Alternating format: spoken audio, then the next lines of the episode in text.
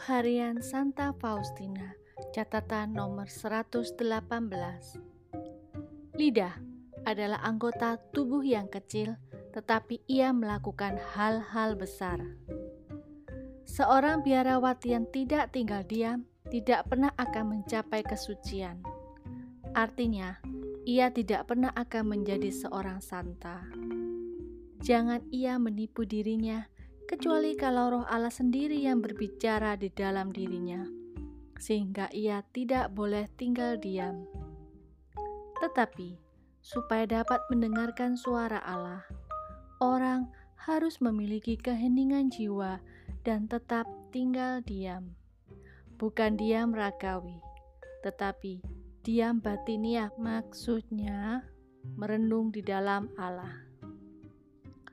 Orang dapat mengatakan banyak hal tanpa memecahkan keheningan, dan sebaliknya, orang dapat berbicara sedikit dan terus-menerus memecahkan keheningan.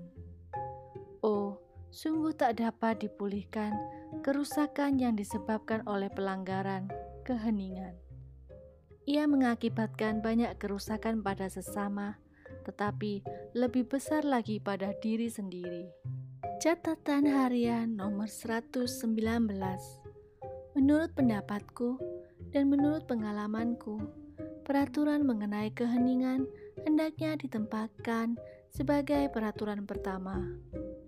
Allah tidak memberikan dirinya sendiri kepada jiwa yang bawel yang seperti seekor lebah jantan dalam sarang lebah, terus mendengung tetapi tidak menghasilkan madu. Jiwa yang bawel itu kosong batinnya. Ia tidak memiliki baik keutamaan dasar maupun keakraban dengan Allah.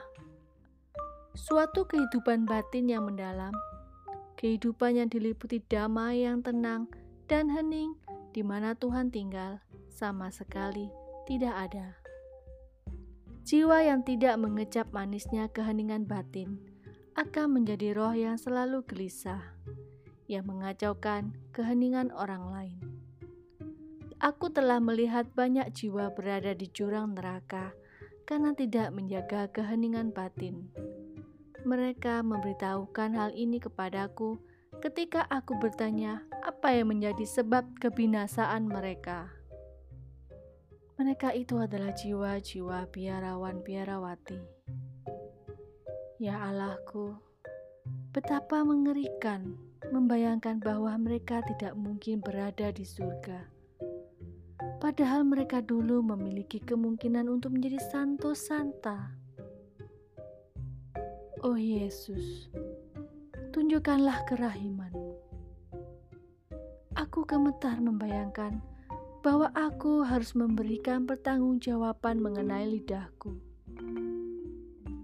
Dalam lidahku ada kehidupan, tetapi juga ada kematian. Kadang-kadang kita membunuh dengan lidah.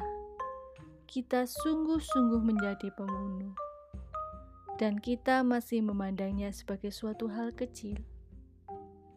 Aku sungguh tidak dapat mengerti hati nurani seperti itu.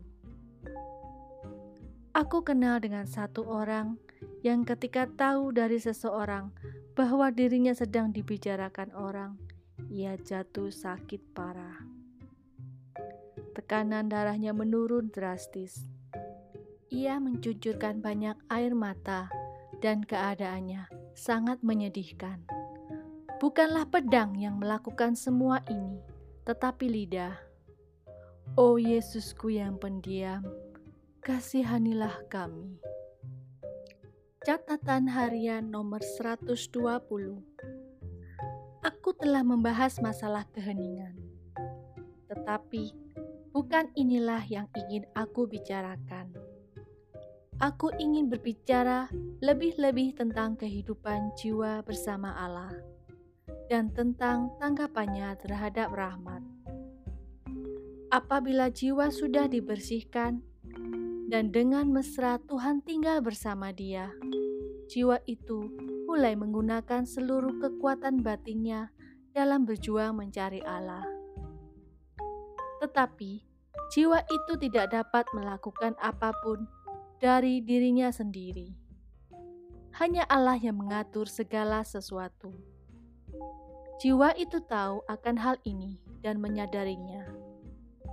Ia masih berada di pembuangan, dan ia sungguh-sungguh tahu bahwa bisa terjadi hari-hari berawan dan hujan.